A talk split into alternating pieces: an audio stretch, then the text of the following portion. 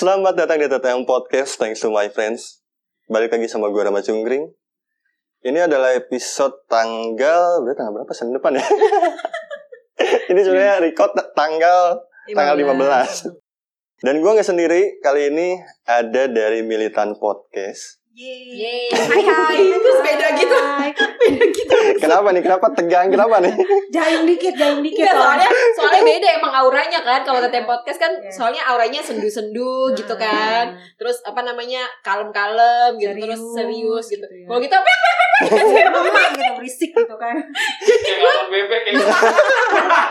ada ternyata yang jadi jadi nah nah mohon maaf ini pendengar TTM episode kali ini Agak agak-agak ya, agak-agak agak berisik. Lebih rame dari biasanya Lebih ya. rapi dari biasanya.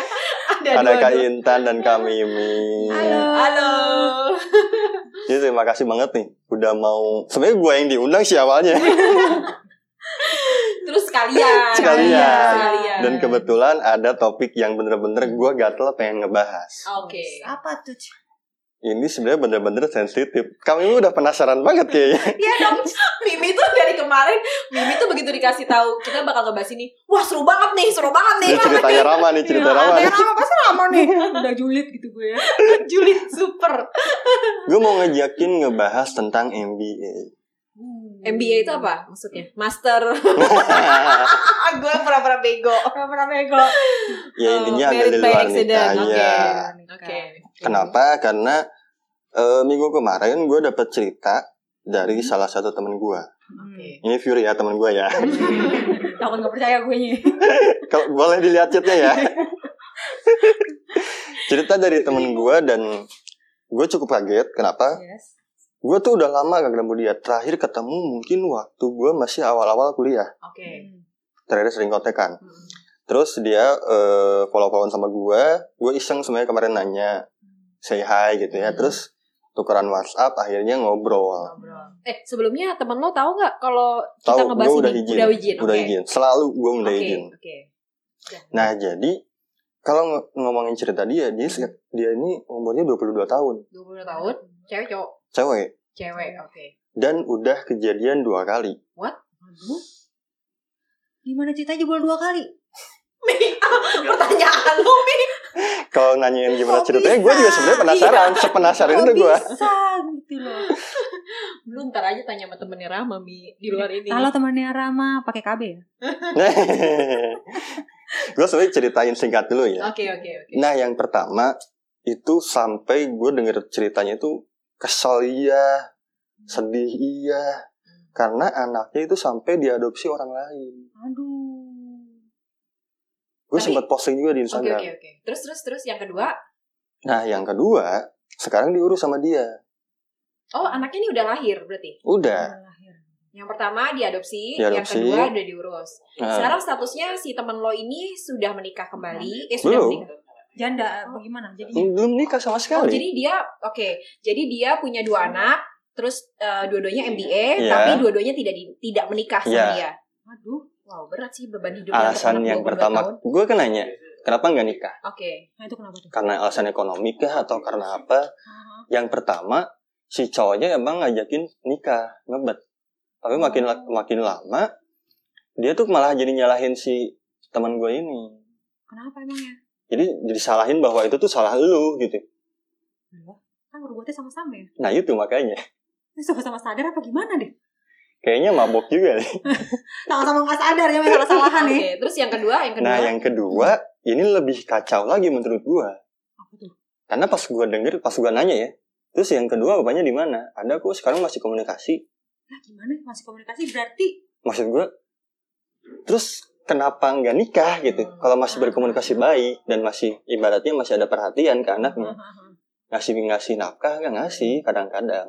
Ya setidaknya ngasih gitu ya maksud gue. gitu ya. Tapi ngasih kan. Eh, alasannya karena dia ketergantungan narkoba. Oke. Oh, jadi Gua nggak ngerti sih poinnya. Iya, iya. Gua Jadi ngerti poinnya. Kalau diterusin nikah juga jadi ribet karena Iya. begitu. Karena udah parah banget ketergantungannya. Ini ibarat benang kusut banget ya, Bu. Kata gue, Kita mau bahas kasus yang pertama dulu apa yang kedua dulu nih Ram? Boleh menanggapi yang mana?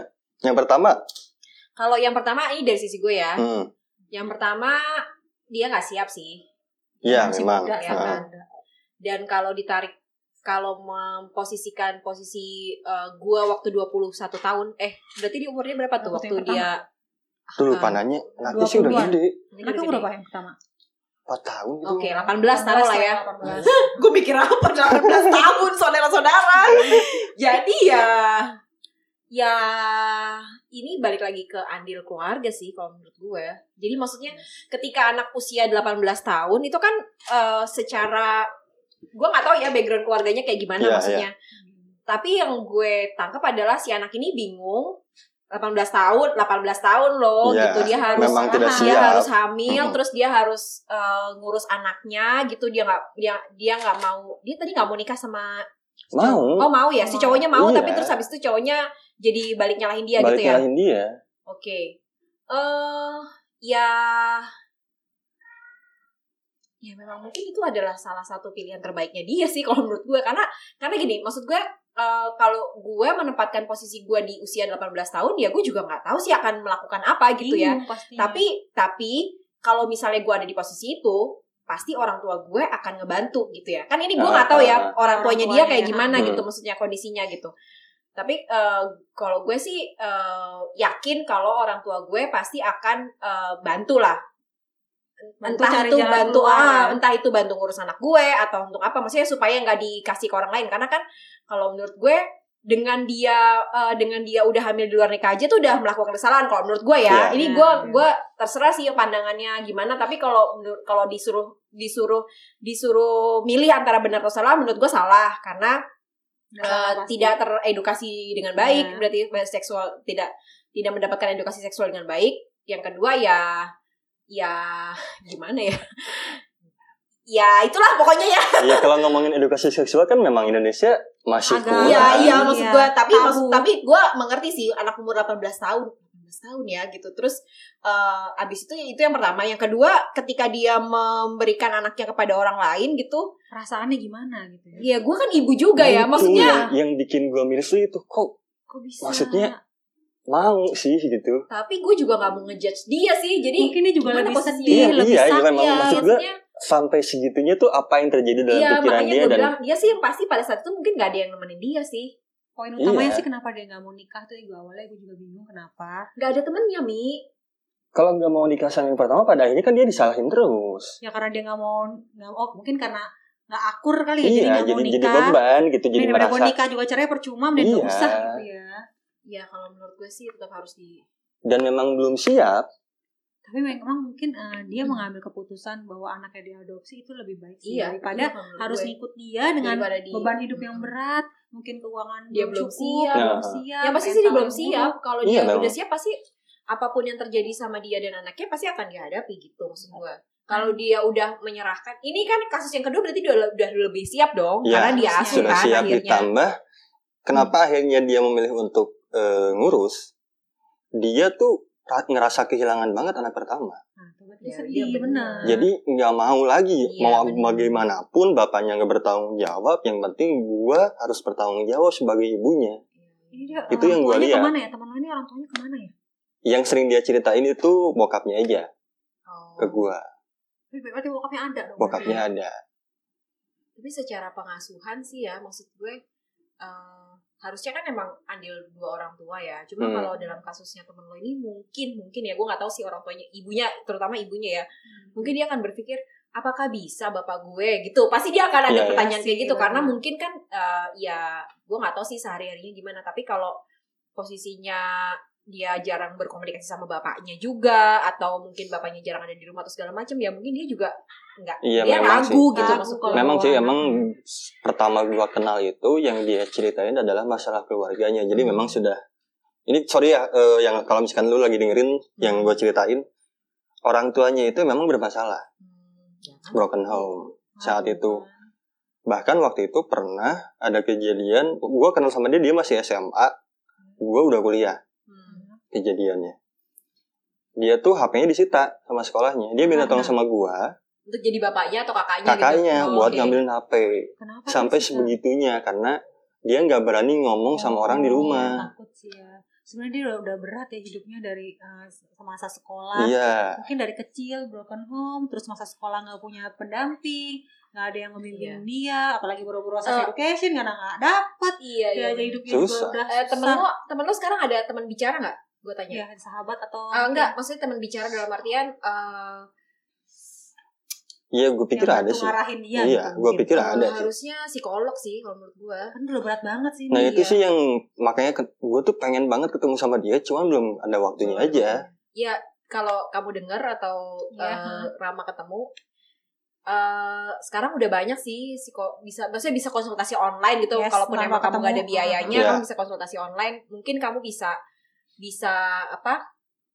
Coba cari untuk bicara sama psikolog karena aku aku jujur ya, maksudnya aku di posisi yang eh, takut dampaknya ke anaknya. Nah justru. iya, Hmm. itu gue yang malah yang lebih concernnya ke anak ya maksudnya yang dikhawatirkan. ke kita udah salah eh, ya maaf ya temennya Rama gue harus bilang kalau lo salah gitu tapi kalau menurut gue kita udah salah gitu tapi jangan sampai membuat kesalahan yang lain lagi Ya, gitu ya. maksudnya dengan tidak dengan dengan pola asuh gue lebih gue lebih concern gue ke pola asuhnya sih nantinya karena eh, ini gue berdasarkan pengalaman gue gue tuh mengasuh anak ketiga anak gue dengan suami gue yang udah menurut gue udah Baik best partner gitu ya itu aja masih suka suka gesek-gesek tuh maksudnya Ah. dalam pola pengasuhan apalagi lo sendiri lo lo keadaan dengan kayak eh, gitu. lo punya keadaan yang spesial gitu menurut gua lo Hmm. harus didampingin sih gitu lo lo lo lo, lo pasti eh, lo pasti kuat banget sih kalau menurut gua lo, lo, Parah sih. lo kuat banget parah sih. sih 22 tahun men buat gitu kamu yang lagi dengerin temannya Uh-uh. Rama tetap semangat tetap kuat kamu kayaknya harus cari pertolongan iya sih, karena kalau curhat ke teman aja nggak cukup iya, ini Iya, harus orang yang profesional gitu, profesional ha-ha. karena ini terlalu berat atau kalaupun misalnya masih belum berani ke profesional sekarang udah banyak tuh kayak apa namanya eh, kelas-kelas parenting yang Banyak, banyak iya banget. kelas-kelas parenting Influencer juga banyak Nah, kan. eh, coba ikut deh Hmm. coba ikut deh satu aja kebetulan gue lagi pelatihan promosi jadinya Iya. gue lagi pelatihan ini apa relawan keluarga jadi kalau eh, di keluarga kita tuh ada banyak kelas-kelas yang kayak gini nih maksudnya Hmm. kelas-kelas tentang pola pengasuhan nah coba sesekali ikut eh, ke jadi ada beberapa materi ikut ke salah satu materi yang kira-kira eh, lo Cocok butuh sama- gitu. eh, cocok sama dia. Jadi ikut aja ikut untuk Nah, untuk tahu oh gimana sih pola pikirnya eh, apa namanya eh, apa sih pengasuhan tuh kira-kira harusnya kayak gimana sih? Kayak gitu gitulah maksudnya. Tapi selain itu juga lo harus ke itu sih psikolog kalau menurut gue Nah, lo tetap harus mendapatkan untuk tentang diri lo. Diri lo tuh harus dibenahin dulu menurut Iya, gue. ha-ha. baru bisa untuk pola asuh ke anak. Karena iya berat sih denger dari Rama dari Berat. eh, sekolah Berat pun udah berat hidupnya Dan sebenarnya gini, yang yang pengen kalau misalkan tadi ngomongin salah ya. Heeh, Iya, gue pun setuju bahwa lu salah gitu. heeh, Gue pun pernah melakukan kesalahan yang sama. heeh. Cuman yang amat disayangkan ini orang tuh udah salah jangan dibuang gitu. Nah Iya, ini iya. masalah-masalah kayak gini yang yang pengen makanya. gua Iya, maksud- angkat tuh. Iya, jadi maksud gue udah salah diterima terus move on gitu loh. Iya. Jadi nah, jadi nah untuk move on ini kan dia berat banget nih Ram. Ah. Bebannya dia tuh berat banget gitu. Nah, untuk move on ini supaya dia bisa lebih kuat, supaya dia bisa lebih berani menghadapi sesuatunya lagi, menurut gue dia tetap harus didampingi sama tenaga profesional ya, gitu. dirangkul lah setidaknya Iya, gitu. rangkul, Jangan malah Dijudge. dihujat Iya. dan lain-lain Iya. gitu. Pasti kalau itu sih. Tapi please jangan lakukan kesalahan lagi dua kali kamu Kalau Ketiga kamu kali lagi, jangan deh. jangan ah, maksudnya kasihan gitu loh anak-anaknya Tapi kita kan juga nggak tahu dia tuh maksud gue, gue tuh malah lebih concern ke mentalnya dia juga sih. yes yes karena Ya dari dia juga sempat ketergantungan obat katanya. Iya, makanya maksud gue ya kita juga nggak bisa salah. Nggak usah nyalahin dia karena dia, background keluarganya pun sudah Makanya gue bilang pola pengasuhan itu tadi sih. Iya. Maksudnya kan ibaratnya kalau gue lihat pola pengasuhan orang tuanya mungkin eh, agak membiarkan gitu ya sampai terjadi seperti ini. Nah, kalau bisa dianya nih jangan sampai melakukan kesalahan yang sama ke anaknya Yes. gitu. Hmm. Jadi tetap harus itu tadi untuk supaya dia nggak melakukan kesalahan ke anaknya itu gimana caranya? Oh, dia harus punya senjata ibaratnya. Dia harus Iya. punya dia harus harus kuat, dia harus punya eh Pelurunya harus peluru banyak. yang banyak ah, untuk untuk untuk menghadapi apa yang nanti ke depan. Anaknya umur berapa berarti sekarang? Kalau yang kedua baru lahir dua bulan kalau nggak salah. Oh, Gue ngeliat berat. masih bayi. Cepetan deh, Ya. cepetan deh itu berat banget soalnya masa-masa Iya, itu kayak gini. berat-berat ya, masa-masa berat banget itu. Kita aja kalau- yang ada pasangan udah sedih. Iya. Kalau kamu Mimi atau Kak Intan ada ada cerita nggak? Gua Cerita tentang teman-teman yang di luar Iya di ya. lingkungan. banyak sih teman-teman gue yang kayak gitu dan yang terjadi adalah kebanyakan bunting oh woro-woro keluarganya ribet nikah Iya. sah secara agama, Agama. dan secara negara Nah, ujung-ujungnya anak udah lahir setahun dua tahun pasti cerai selalu begitu gue ngerti Karena nggak dibenerin. karena mungkin Nggak dari dibenerin. awalnya nggak dibenerin Komitmen mereka Yes, berduanya tuh nggak uh, dibenerin. mereka nikah buru-buru cuma gara-gara perkara bunting iya. Nah itu. menurut gue mesti dibenerin dulu ya kan dibenerin Ya, nih, mung- mungkin tidak semua ya. nggak? Yes, Hmm. ya, Iya nggak semua sih, tapi kan Mimi tadi bilang ya, ada berapa temen lo yang kayak gitu. banyak banget dan ujung-ujungnya cerai gitu. Setelah anaknya udah 2 tahun tiga tahun cerai. Termasuk gua. lo shock juga nih pasti Rama cerita. Ini lu kan yang habis luar nikah. Enggak nih temen gue Tapi gue ada cerita, gue ada cerita ini sih teman gue yang berhasil ya, maksudnya berhasil dalam artian sampai sekarang anaknya udah dua, terus anak pertamanya tuh udah tujuh atau delapan tahun gitu, dan dia baik-baik aja gitu bukannya. Karena kalau yang gue lihat mereka berdua tuh kedua teman gue ini mereka sama-sama memperbaiki diri. Dan mereka mempersiapkan untuk menjadi orang tua. Itu yang paling penting Nah, menurut gue. Eh, persiapan untuk menjadi orang tua itu bukan cuma sekedar lo ngebiayain, bukan cuma sekedar lo nyiapin barang-barang apa yang harus dibutuhin buat anak-anak, tapi lebih ke mental sih kalau menurut gue. Makanya gue tuh gue paling bawel di antara teman-teman gue, teman-teman gue udah pada tahu semua kalau teman-teman gue pada hamil, gue pasti ikut kelas persalinan ya, ikut kelas persalinan karena menurut gue, ya. iya, karena menurut gue itu penting banget, penting banget untuk tahu kira-kira bayi itu kayak gimana. Iya. Gue tuh pernah baby blues Mhm. waktu anak gue pertama terus eh, anak gue kedua waktu gue lahir anak kedua kedua gue juga gue sempet yang eh bukan depresi sih eh, stres juga. Cuman maksudnya stres dalam artian nggak sampai baby blu- eh, nggak sampai baby blues tapi gue cukup stres juga gitu maksudnya. Iya, terus gue eh, gue gue waktu itu gue, gue cari psikolog gue ketemu psikolog terus eh, ketika gue bicara sama psikolog eh, gue agak tenang. Tapi ketika psikolog balik kayak psikolognya pulang gue balik lagi lagi tuh ya, gue lagi. lagi? Terus gue mencari-cari apa yang salah pada diri gue apa yang lah gue jadi curhat ya nggak apa-apa ya. Cari sharing aja. mungkin temennya sama bisa mencontoh. Ini Gak sharing aja. gue juga belajar. Ah, ini sharing aja. jadi emang segitu beban se- Iya se- sih, jadi iya. peralihan antara lo single terus lo Jadi jadi, ibu. istri terus lo jadi ibu itu lo kayak lahir kembali. Kan gue pernah bilang juga di di apa namanya di militan di ini militan podcast itu kayak lahir kembali dan itu lo harus bener-bener siapin mental lo untuk itu Gue gitu. merasakan sekarang. iya dan Ya, itu benar. dan menurut gue dan itu eh, itu gue tidak tidak menyadarinya sampai anak ketiga gue gitu begitu anak ketiga gue gue baru sadar oh gue nih udah bukan intan yang dulu lagi gitu Intan jadi gue udah. harus mempersiapkan diri gue lebih-lebih daripada intan yang dulu Hmm. karena peran gue udah berubah lagi udah berganti lagi terus eh, tanggung jawab gue juga udah lebih besar lagi kayak gitu-gitu dan itu harus dipersiapkan dipersiapkan sebaik mungkin sih gitu karena kan kita juga pengen mempersiapkan anak-anak kita untuk jadi anak-anak yang lebih baik ya pastinya daripada Iya. kita gitu jadi untuk mempersiapkan hal itu ya kita harus butuh senjata dan peluru Peluru kayak tadi lo bilang lagi. itu ha-ha. jadi ya emang harus ini sih harus belajar kalau menurut Ya, intinya gua. belajar, Intinya memang. belajar Pelurunya harus disiapin bener-bener banyak Mm-mm. banget. bener-bener banyak banget bener dan mungkin tadi pilihan yang tepat juga sih daripada dinikahin sah secara negara dan lain-lain ujungnya cerai mendingan ya udah nggak usah nikah Ya kalau gue sih sebenarnya balik lagi ke pilihan masing-masing ya. Iya. Iya, Kalau itu gue ya. pilihan sih mau nikah dilanjutin apa enggak terserah karena kebanyakan teman-teman gue yang ujung-ujungnya nikah mungkin karena faktor orang tua ya udah keburu hamil nanti jadi omongan jadi omongan akhirnya mereka nikah ujung-ujungnya cerai karena dari awal udah nggak siap karena cepet banget tuh prosesnya tiba-tiba hamil tiba-tiba nikah tiba-tiba punya anak belum iya siap dia mental. belum dia belum mempersiapkan perannya mempersiapkan semuanya. berganti terus tiba-tiba udah ganti peran kita lagi, yang udah siap aja masih kayak orang gila gimana Iya, yang belum bener. siap gitu kan Ya itu yang nikah karena banget, tuntutan kan. orang tua. Hmm. Ya berarti kan mereka menganggap tabu ya. Dan Hmm. itu selalu ha- apa ya menurut gue hal yang nggak bisa nggak ada habisnya diperdebatkan Iya, gitu. benar. Iya. Tapi emang harus dirangkul sih karena mereka juga pas ketika kondisi hamil, stres, tekanan orang tua, tekanan tetangga, pasti Iya. kan namanya perut makin gede, makin gede, makin gede. Dia juga stres. Makanya gue dulu pernah waktu dulu tuh gue waktu kecil ke bidan.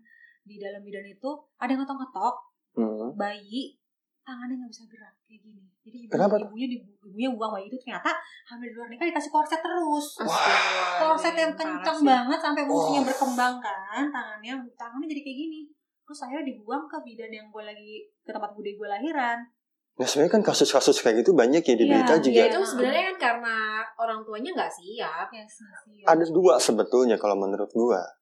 Antara memang tidak siap belum maksudnya belum nggak siap untuk punya anak Hmm, yes. atau dia tuh nggak siap nerima penilaian dari masyarakat. Iya sih, karena diomongin banget kalau Iya berarti sama-sama siap. Iya maksudnya tapi kan ada dua Iya faktornya iya iya, gitu. nggak siap secara pribadi sama nggak siap. Diomongin tetangga. Iya, dan itu yang menurut gue di sini tuh jadi bikin serba salah gitu. Ini orang tua yang kayak gini nih, ini udah udah salah nih. Kita Ya. setuju bahwa itu Dia tuh salah, salah. gitu. Hmm. Cuman dia harus kayak gimana? Ketika dia ngurus anaknya, dihujat. Betul nggak? Iya Ketika nggak ada pasangannya. Apalagi seorang cewek, Iya sih, bapaknya mana bapaknya? Waduh, dibilang anak haram, anak nggak tahu apa-apa disalahin. anak haram. Dia kan nggak bisa milih mau dilahirin dari Iya, rahim benar, siapa. Gak ada anak haram itu, yang haram itu perlakuan bapak ibunya. Nah Iya, itu. benar. Nah yang kedua, ketika eh, mereka ketakutan dengan dijajing kayak gitu, Hmm. akhirnya kan dibuang. Hmm. Ketika dibuang, disalahin juga sama masyarakat. Coba. Salah juga, hamil juga ada salah, dibuang salah, diurusin salah. Ya emang masyarakatnya perlu diedukasi saudara-saudara. Coba. Kalau menurut gue mereka membuang anak gara-gara nggak siap karena itu juga. Itu sebenarnya budaya sih, budaya kita tuh memang takut diomongin orang. Takut di dikatain orang, takut dijudge orang. Padahal mah bodo amat harusnya. Eh, tetangganya ngasih mas makan kalau tetangganya ngasih makan nggak apa-apa. Banyak loh kasus kayak itu ada anak Iya. SMK sampai dianiaya sampai mati bayinya kasihan. Ya, Iya itu sih, kan iya mak- berita-berita ya. Iya itu nggak siap.